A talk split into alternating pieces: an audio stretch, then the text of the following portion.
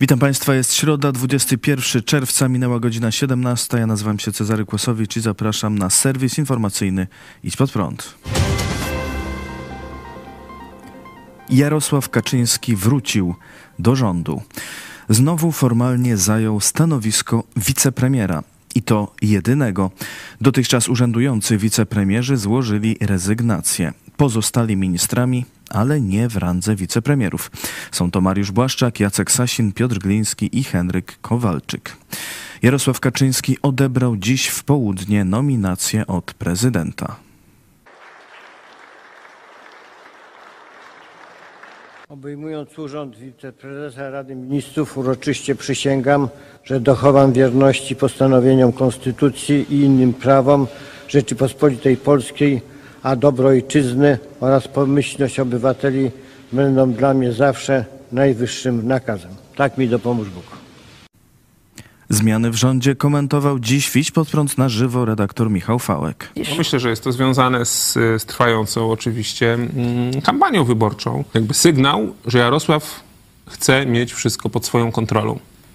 Że mało ufa innym ludziom i chce mieć pod kontrolą, e, no można to, co się będzie działo z państwem i z partią e, w kampanii wyborczej, której wcale PiS nie musi wygrać, a wręcz jego szanse maleją na zwycięstwo. Plus jest tej decyzji taki, że przynajmniej teraz, można powiedzieć, oficjalnie będzie wiadomo, kto rządzi państwem. Tak? Jest ten Morawiecki, który jest no, tym, od, od, tego, żeby występować i tak dalej, tam przedstawiać pomysły Kaczyńskiego, ale teraz już Kaczyński nie będzie gdzieś tam, e, wiecie, no tam w swoim gabinecie, w, w tej w siedzibie PiSu, tylko rzeczywiście będzie w gabinecie wicepremiera, czyli można powiedzieć drugiego w rządzie po Morawieckim, a tak naprawdę tego, co trzyma wszystkie lejce. Nowy premier komunistycznych Chin zaczął od Niemiec. W poniedziałek rozpoczęła się wizyta w Berlinie nowego chińskiego premiera Li Qianga. Został z honorami powitany przez prezydenta Niemiec Franka Waltera Steinmeiera. To pierwsza zagraniczna wizyta Li Qianga po objęciu stanowiska premiera komunistycznych Chin w marcu tego roku. Towarzyszy mu także wielu towarzyszy ministrów. Podczas wczorajszych rozmów kanclerz Niemiec Olaf Scholz ponownie zwrócił się do strony chińskiej, by ich władze mocniej wykorzystały swój wpływ na Rosję i wezwały ją do zakończenia wojny w Ukrainie. Apelował też, by Chiny nie poszły w kierunku dostarczania broni do Rosji. Jak donosiły wcześniej media, chińskie firmy wysyłają Rosji różnorodny sprzęt przydatny na froncie, ale oficjalnie dostawy broni się nie odbywają. Kanclerz Scholz wyrażał wdzięczność Pekinowi za utrzymanie stanowiska, o jakim rozmawiał w listopadzie z chińskim przywódcą Xi Jinpingiem, że nie może mieć miejsca zagrożenie bronią nuklearną ani oczywiście jej użycie. Jednocześnie, jak podaje South China Morning Post, strona niemiecka ma jeszcze mocniej wejść we współpracę gospodarczą z Chinami.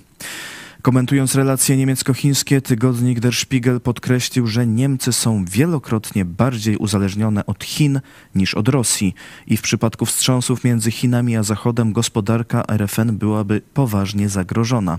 Czysty instynkt samozachowawczy powinien zatem sprawić, że niemieckie firmy nie będą polegać wyłącznie na Chinach, ale pozycjonować się szerzej. Najwyraźniej jednak instynkt samozachowawczy nie działa wszędzie albo jak w przypadku przemysłu samochodowego zależności są już tak duże, że trudno je rozwiązać, skomentowano na łamach Szpigla. W poniedziałek Li Qiang mówił do przedstawicieli niemieckiego biznesu, że nie ma sprzeczności między unikaniem ryzyka a współpracą. Wezwał do większej otwartości i współpracy między przemysłem chińskim i niemieckim. W spotkaniu z chińskim premierem uczestniczyli przedstawiciele takich firm jak Siemens, Volkswagen, Mercedes-Benz, BMW, Schaeffler i Allianz. Po zakończeniu wizyty w Niemczech Li Qiang uda się do Francji. Parlament Słowacji przyjął zmianę w konstytucji, która zapewnia, że każdy ma prawo do płacenia gotówką za towary i usługi. Jeden z inicjatorów poprawki, poseł Milosz Swerczek, mówił o znaczeniu tego prawa. To bardzo ważne, że w Konstytucji jest zapis, na podstawie którego możemy się w przyszłości bronić przed wszelkimi rozkazami z zewnątrz, mówiącymi, że może być tylko cyfrowe euro i żadnych innych form płatności. Zmiana regulacji dotyczących płatności gotówką nastąpiła także w Polsce.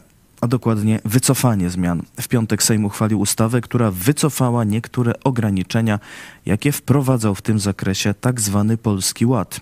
Przepisy miały wejść w życie od stycznia przyszłego roku.